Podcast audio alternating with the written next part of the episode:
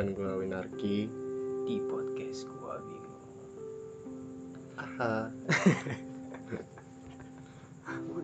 Gue, bingung cara buat ngebangun horornya tuh gimana oke. Emang kita mau bahas apa sekarang? Ah, kita mau bahas yang serem-serem karena oke. karena kita juga pernah ngalamin yang horor-horor ya kan? Hmm. Nah, judul pada episode ini bedah buku jagat lembut kisah tanah Jawa. asik Mungkin sebagian dari kalian tahu ya kisah tanah Jawa. Itu terkenal banget asli. jadi di sini gue udah megang bukunya dari eh, karyanya akun YouTube kisah tanah Jawa Aduh, ini motor. Lanjut. dia ngeluarin dua buku kalau nggak salah ya yang setahu gue dua buku dia keluarin tapi hari ini gue mau ngebedah buku tentang jagat lembut ini dulu. Win.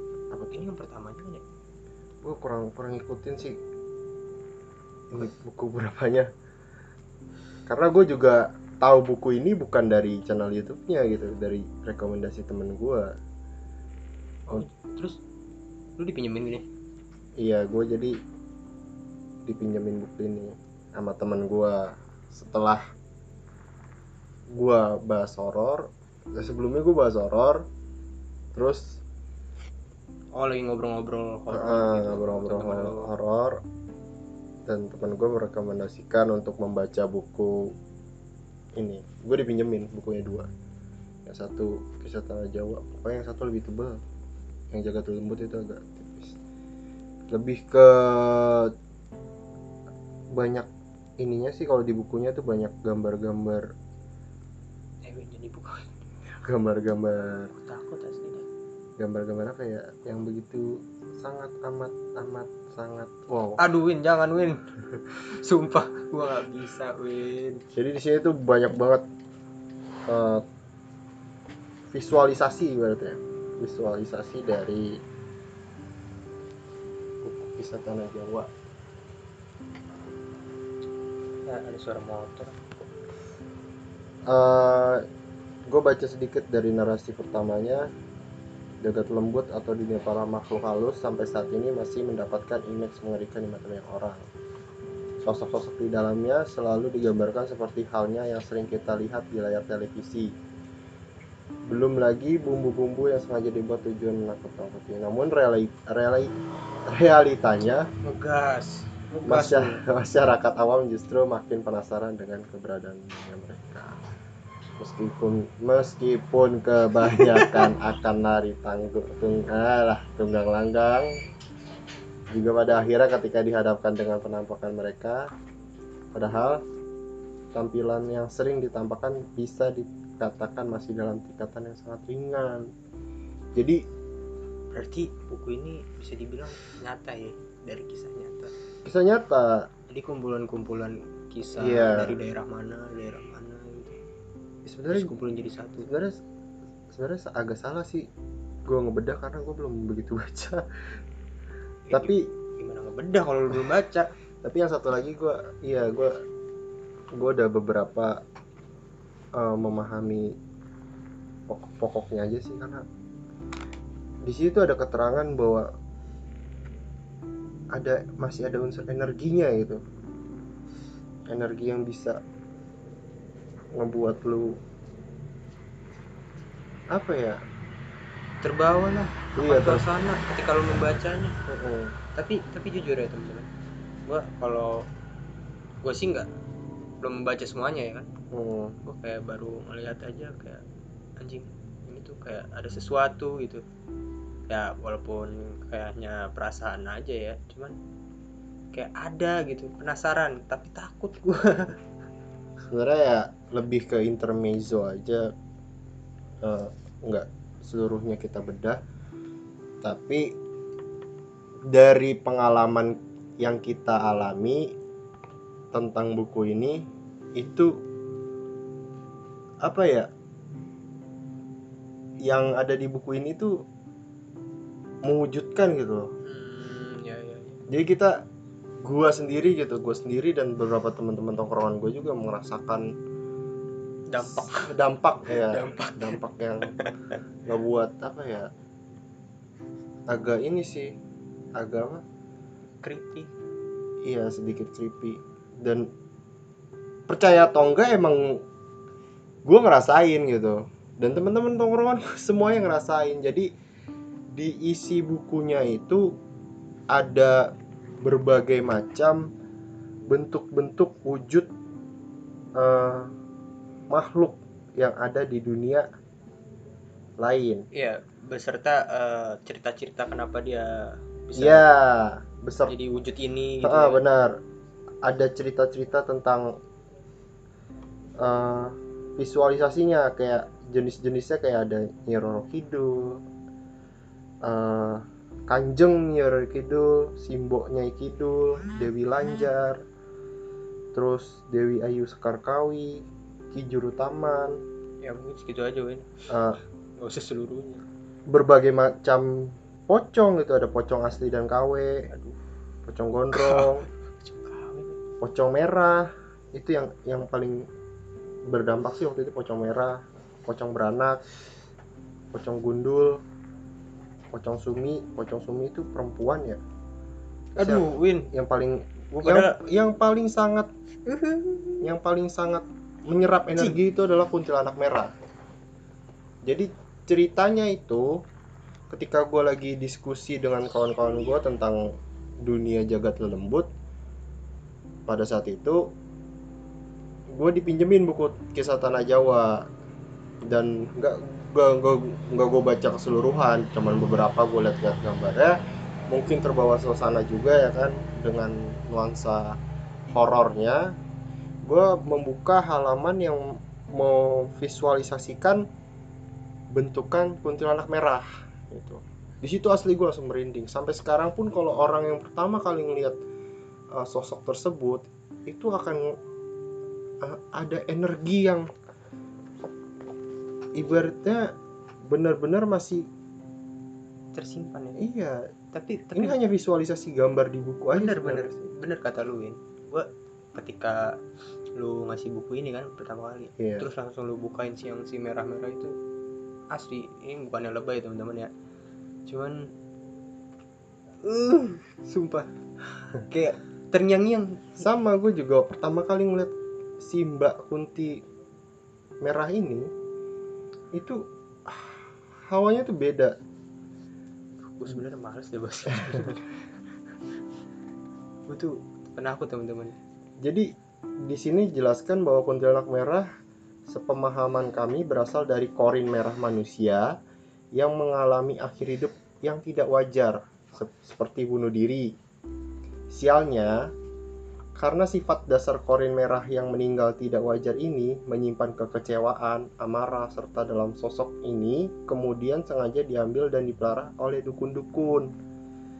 Dukun-dukun yang sesat untuk dipekerjakan sebagai alat melakukan tindak tindakan negatif seperti pelet, santet dan sebagainya. Meski begitu, ada beberapa kuntilanak merah yang berasal dari kuntilanak biasa yang sengaja mengupgrade dirinya sendiri dengan menghisap energi-energi dari hawa ketakutan manusia untuk menambah kekuatan hingga akhirnya mereka mencapai level kuntilanak merah. Jadi di tingkatan yang setahu gue ya, tingkatan dunia uh, goib. dunia jagat ya dunia goib jag- jagat lembut lah ibarat istilahnya. Itu eh hakikatnya itu dia itu memiliki tingkatan gitu. Kalau misalkan manusia itu ada kaya ada si miskin ya kan? Ya tapi kan kenapa kalau ngomongin gini jadi sepi ya? Gue kangen motor lewat lagi. Kalau di dunia eh, kalau di dunia manusia itu ada kaya dan sepi. Gue juga sebenarnya agak malas ba- bahas kayak gini ya karena gue tuh tipikal orang yang terlalu sensitif gitu. Gue nggak bisa ngelihat gue nggak bisa ngelihat gue nggak bisa berbuat apa apa gue nggak bisa Nazubillah minjalik gue ngelihat dengan tanpa ilmu ya. Tapi eh, jujur gue nggak bisa ngelihat tapi kepekaan gue itu apa ya? Gue memiliki kepekaan yang sedari kecil gue tuh mengalami kisah-kisah horor gitu. Dari kecil gue udah banyak mengalami kisah horor dan gue itu memiliki kepekaan di situ. Tapi gue nggak bisa ngeliat dan nggak bisa merasakan cuman kepeka oh kayaknya eh, badan gue tuh aneh gitu. Ada ada sesuatu Ya. tapi nggak ada wujud fisik manusia. Tuh tapi lanjut lagi eh, kalau di dunia manusia itu kaya dan miskin kalau dunia gaib itu ilmu gitu. Tingkatannya tingkatan mis eh, di analogikan tuh seperti tingkatan satu tingkatan dua dan seterusnya Iya, iya, gitu. iya. semakin tinggi ilmunya berarti eh, jin itu ya hakikatnya semakin berkuasa di situ dan sifatnya uh anginnya mulai anginnya mulai mendukung ya kan jadi Taruh ya, gimana tapi ya gue kesian juga sih sama si merah itu. Kesiannya kenapa? Dia dimanfaatin sama orang yang yang jahat gitu, Heeh. ya kan? Buat ngerugiin orang lain. Sebenernya gue gue yakin dia aslinya baik deh. Iya gak sih? gue nggak tahu deh Cuman di di apa? Diperalat gitu sama manusia-manusia jahat gitu. ya kalau menurut ini asumsi gue aja sih. menurut gue ya emang dari dasarnya dia tuh emang ada dua tipikal yang dari kuntilanak biasa mengupgrade dirinya dengan ilmu itu menjadi kuntilanak merah ada juga yang dibuat oleh dukun-dukun itu iya. iya. Jadi itu sih kalau kuntilanak merah. Dan masih banyak lagi jenis-jenis eh, macam-macam makhluk. Wujud astral lah ya. Kayak peri. Peri itu ada. Eh itu yang yang waktu itu lu kasih tau gue yang ada peri bonceng tiga ya. iya itu namanya peri kimcil kalau di sini. Jamet jamet. Di ya sebenarnya kalau eh, gua eh, ibaratnya pengetahuan yang gue dapat sebenarnya dunia gaib itu sama halnya dengan dunia kita. Di situ ada pesawat juga ada. Ya kayak gedung tinggi juga ada gitu. Tapi balik lagi kalau di dunia mereka itu ibaratnya katanya konon katanya lebih keren gitu. Kayak pesawat di sini gitu kan. Eh, ya gue nggak tahu lah pokoknya gue karena belum pernah lihat dan belum pernah belajar gitu kan Tapi ya Win, meskipun gue takut ya, cuman gue gue tuh penasaran orang ya, ya kan? ah ah, kepo kepo Kepoan lah, Ah, ah. orang Indonesia kepoan ya kan? Gue juga eh, ini setuju tuh sama sama omongan lu tadi kalau eh, dunia goib itu teknologinya lebih maju ya kan? Soalnya gue kayak pernah dapet cerita-cerita gitu apa tuh ceritanya dari YouTube sih sumber. gue nggak tahu itu bisa jadi acuan yang eh, konkret atau enggak. Cuman ya kurang lebih sama. Jadi tuh eh, dunia manusia dan dunia gaib itu eh, ber berapa ya berkesinambungan ya? ber iya Berkesinambungan gitu. iya jadi hubungannya. Kita punya telepon, dia juga punya bahkan yang lebih yang lebih canggih mungkin. Kayak gitu. ibaratnya menggambarkan dunia Iya. gaib itu nggak nggak jauh beda sebenarnya. Dan kalau dari eh, pengetahuan gue ya alam gaib dan alam manusia itu setipis sehelai rambut. Ya nggak sih? Ya mungkin gitu kan. Karena gue juga nggak nggak begitu paham gue gitu. Jadi gue cuman eh, mau ceritain aja tentang pengalaman gue setelah membaca dan nekat untuk mencoba-coba gitu. Nah yang waktu itu kan lu bawa nih bukunya ke tongkrongan ya kan? Nah, terus lu kayak iseng-iseng baca mantra yang ada di buku itu. Coba dong ceritain yang waktu itu. Jadi awalnya itu gue tuh is- eh gue tipikal orang yang iseng sebenarnya. Kayak gue tuh nggak mau nggak mau ibaratnya punya pengetahuan itu gue taunya sendiri doang gitu. Teman-teman gue harus tahu juga gitu. Dan gue juga suka bukan suka sih sebenarnya banyak pengalaman gaib gue yang gue rasain gitu. Yang gue rasain dan gue harus bagikan ke teman-teman gitu. Setelah gue mendapatkan buku ini dari teman gue akhirnya gue membawalah buku ini ke tongkrongan.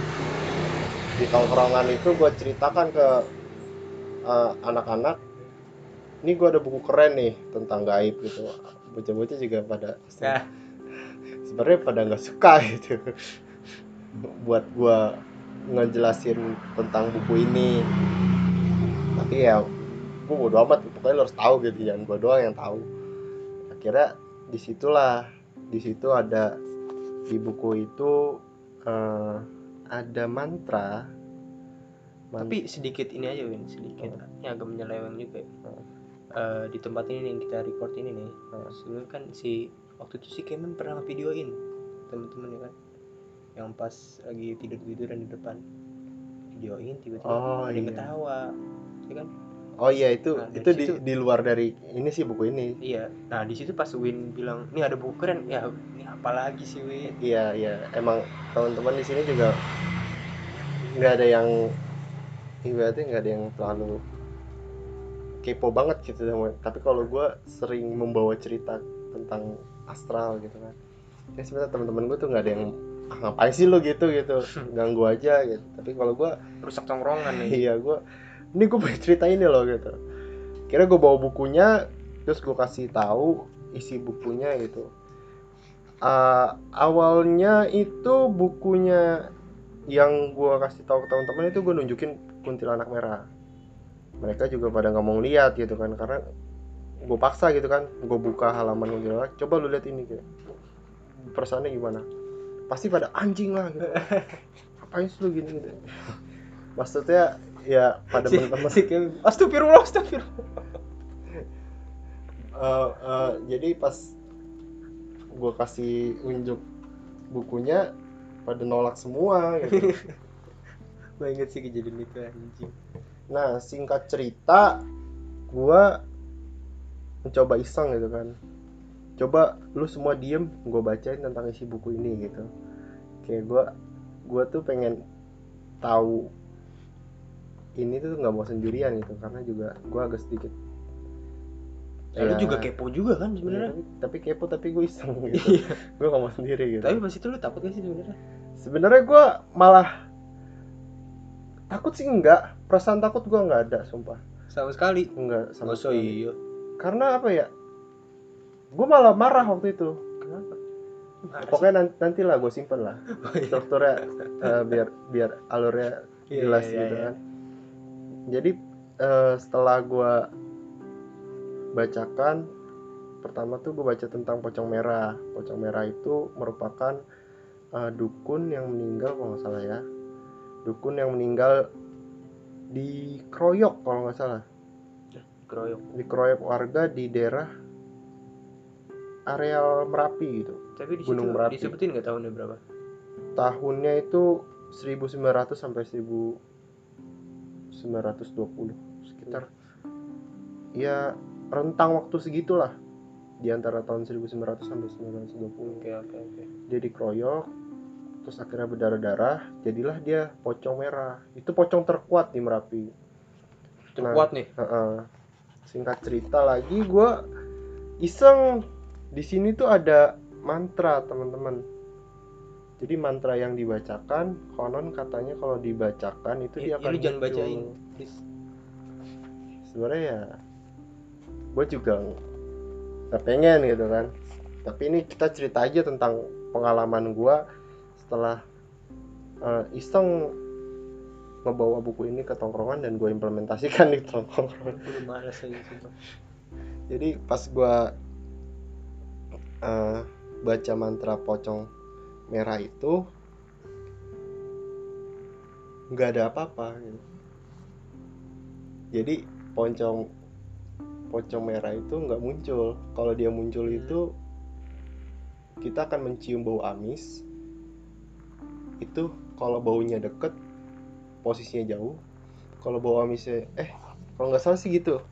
Pokoknya kita mencium bau amis lah gitu kan. Itu ciri-cirinya dia kalau dia hadir gitu. Iya kalau dia hadir. Nah sayangnya dia nggak hadir. Lanjut ya. Sayangnya dia nggak hadir. Entah entah nggak tahu kenapa dia nggak ada nggak hadir.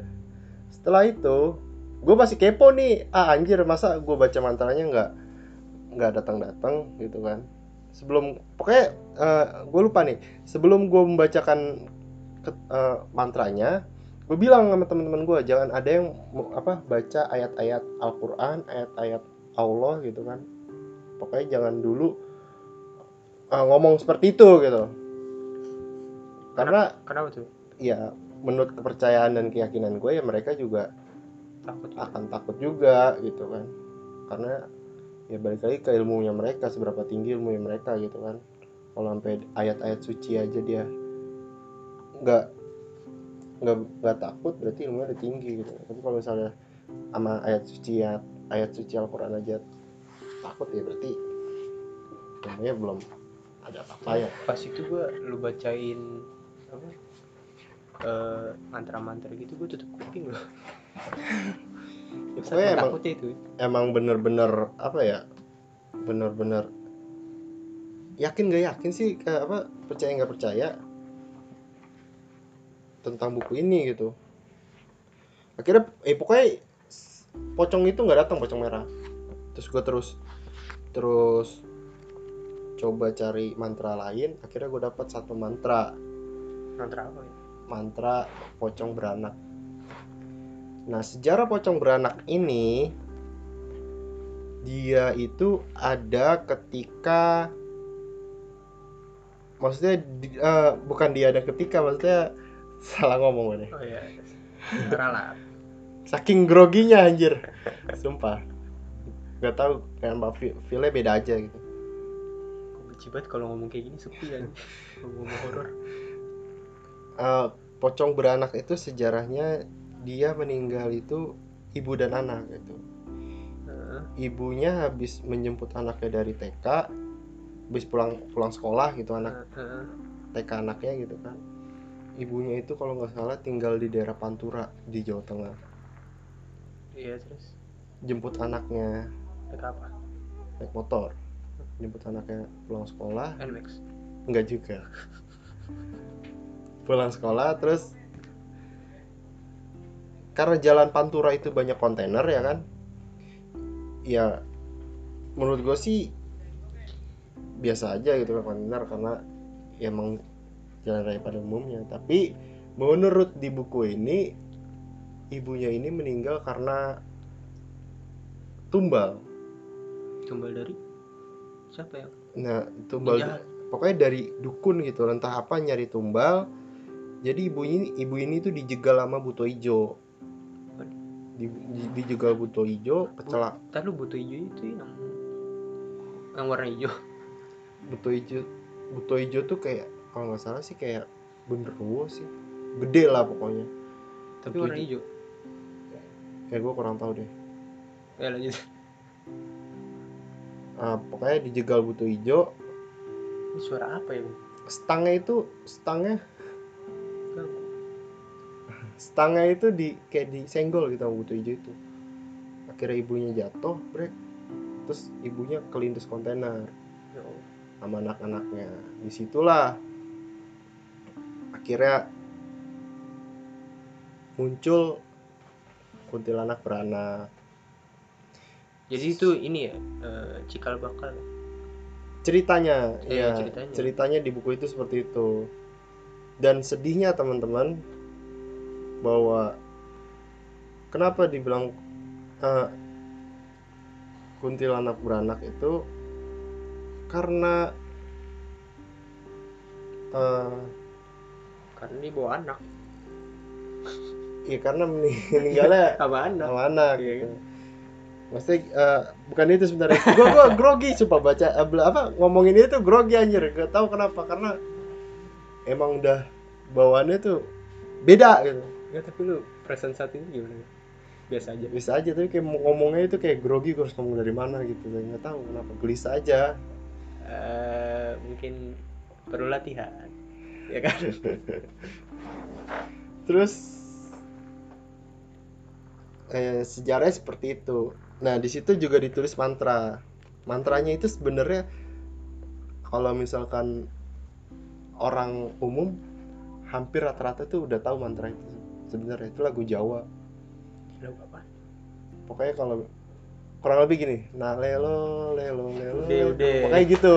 udah Pokoknya kayak gitu. sedikit aja Nah, karena pocong merah tadi gua bacain mantranya nggak bisa akhirnya di tongkrongan itu gue baca gua apa gue bacain mantra eh kuntilanak beranak ini setelah gue baca man- mantra kuntilanak beranak ini nah lelo lelo ledo pokoknya yang berkali-kali gue bacanya. Sampai berapa kali sih tuh syaratnya? Syaratnya mah sekali. Heeh. ya ya sekali aja kalau misalkan momennya pas gitu bisa datang gitu. Tapi mantra ini gue gue bacain berkali-kali nggak nggak muncul-muncul.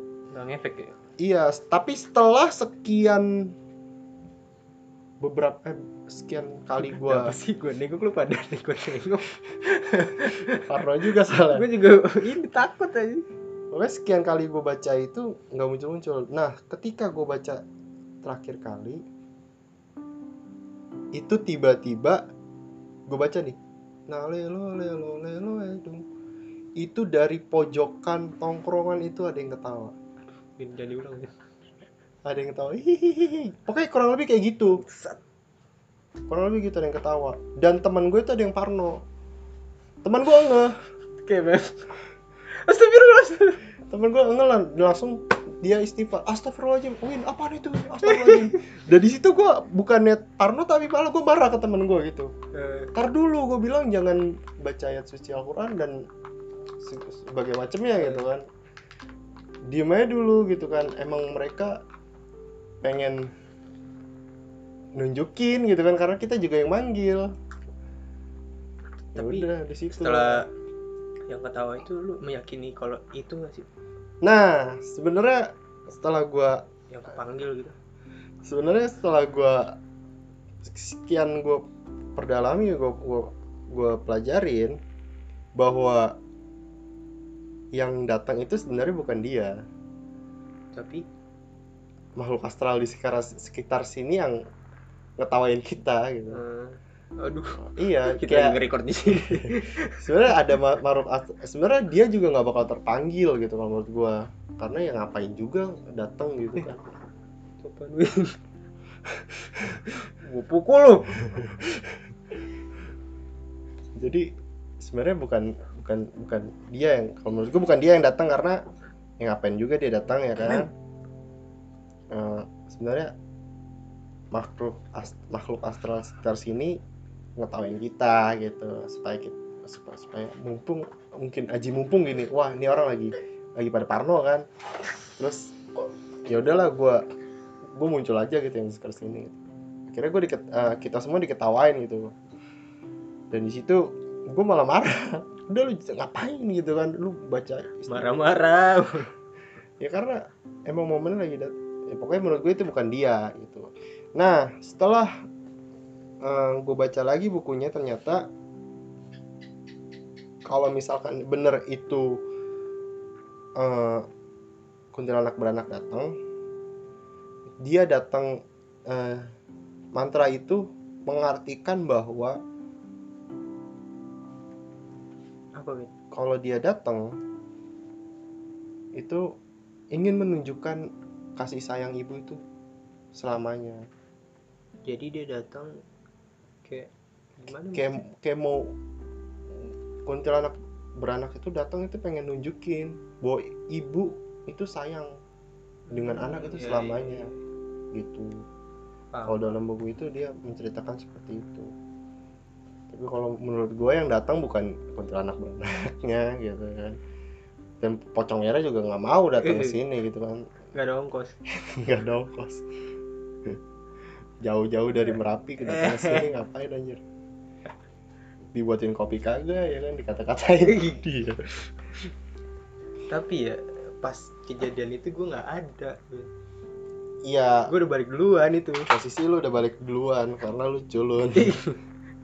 Lu orang yang paling pertama nggak mau dengar cerita horor gua gua Amo itu udah balik duluan gara-gara si Win ya kan? Nah itu kejadian jam berapa ya itu udah posisi udah jam 11 jam jam 12 ya pokoknya sekitar tengah malam lah. Lu yang pasti ketahuan jam 12 kan? Malam pokoknya malam sekitar ya tengah malam lah. Kurang kurang lebihnya gue nggak tahu karena udah udah lama banget kejadian gua yang pas lu bawa buku itu kan ke tongkrongan Heeh. udah ada gua kan di tongkrongan ya kan? Kita udah iya pada ngumpul udah lu ngumpul. lu udah datang iya udah datang tapi eh, pas gue baca mantra itu sebelumnya lu udah pulang. Iya iya iya. Nah pas lagi eh, apa ya ngebedah awal-awalnya tuh Win. Heeh. pas ngebedah awal-awalnya terus eh, kakak gua tiba-tiba nge WA ya kan? Heeh. nah gua pas pada saat itu gua udah di tongkrongan kan? Iya iya. Kakak gue nge-WA ya kan Nya gini. "Eh, kamu di rumah ya? Itu di bawah. Kan rumah gue tingkat nih. Nah Iya. kakak gue tidur di atas Heeh. sama suaminya. Nah kebetulan kakak gue masih bangun ya kan? Nah terus gue di gini "Eh, kamu masih di bawah ya? Gue balas enggak pak kok kayak ada orang berasa berusuk di bawah kata kakak gue padahal nyokap bokap gue itu lagi pergi lagi keluar nggak kota ada lagi nggak ada ya kan? Terus gua gua bingung dong. Momennya pas banget Momennya gitu ya. pas jadi banget, pas lagi bahas asli. ho- kita bahas horor. Heeh, pas bahas ho- horor kejadian lu kayak nge- gitu. Iya, ya kan gua makin kayak kesugis ini ada apa ini? Iya. Ya udah akhirnya gua penasaran dong.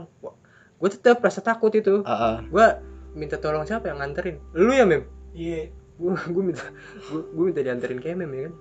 Ayo mem. Emang lu tuh lucuan banget ya. Ya namanya manusia win Enggak sebenarnya gue juga penakut sih. Ya, ya lanjut nih. Terus ya udah ayo mem anterin gua. Nah pas sampai rumah nggak ada apa-apa.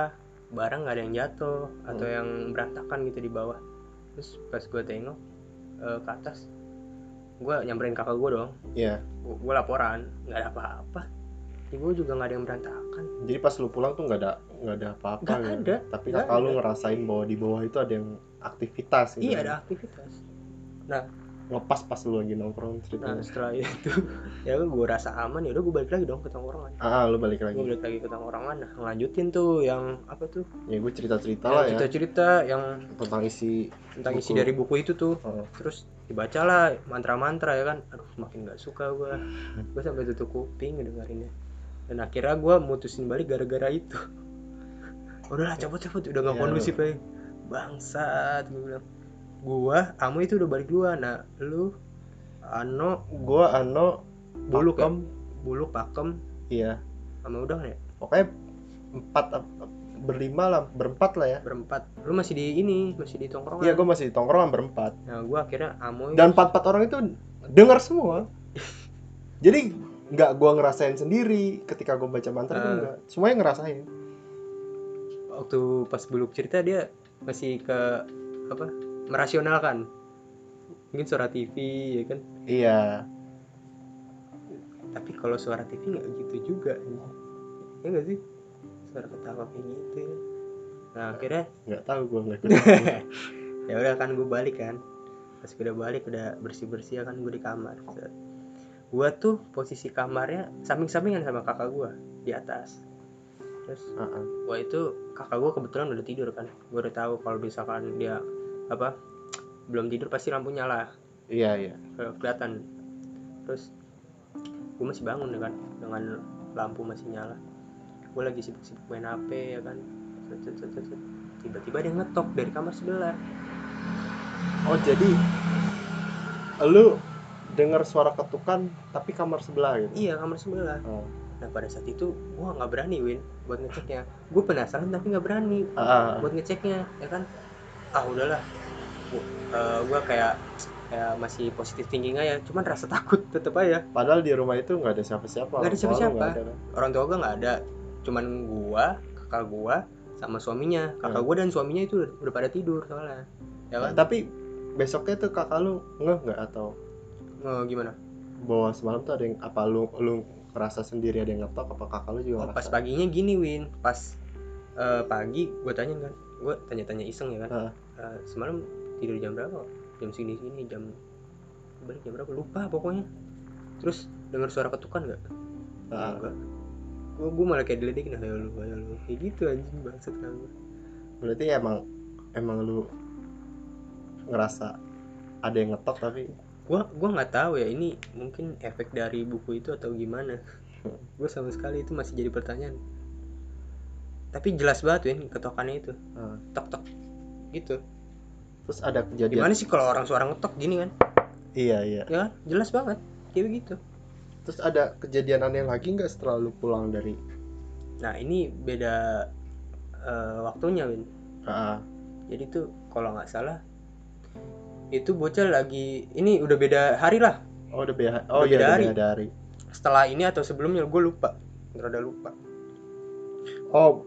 Jadi tuh kejadian ini Hah? di luar dari apa? Udah ha- udah beda gitu. Udah beda udah beda. Hmm, Jadi tuh gue lagi nongkrong pada, bi- pada biasanya kan. Hmm.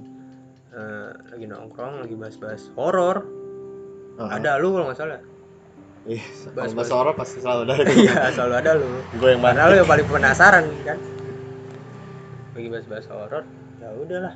Gue cabut ya kan. Bukan karena bahas-bahas horor. Karena emang udah kemalaman ya kan. Ah, gue disuruh balik juga sama orang tua gue ya udahlah gue cabut. Kebetulan gue ke tongkrongan tuh bawa sepeda dan pulang juga bawa sepeda. Ya kan? Ah. nggak mungkin dong gue bawa motor. Iya iya iya. Balik. Paling gitu. Iya.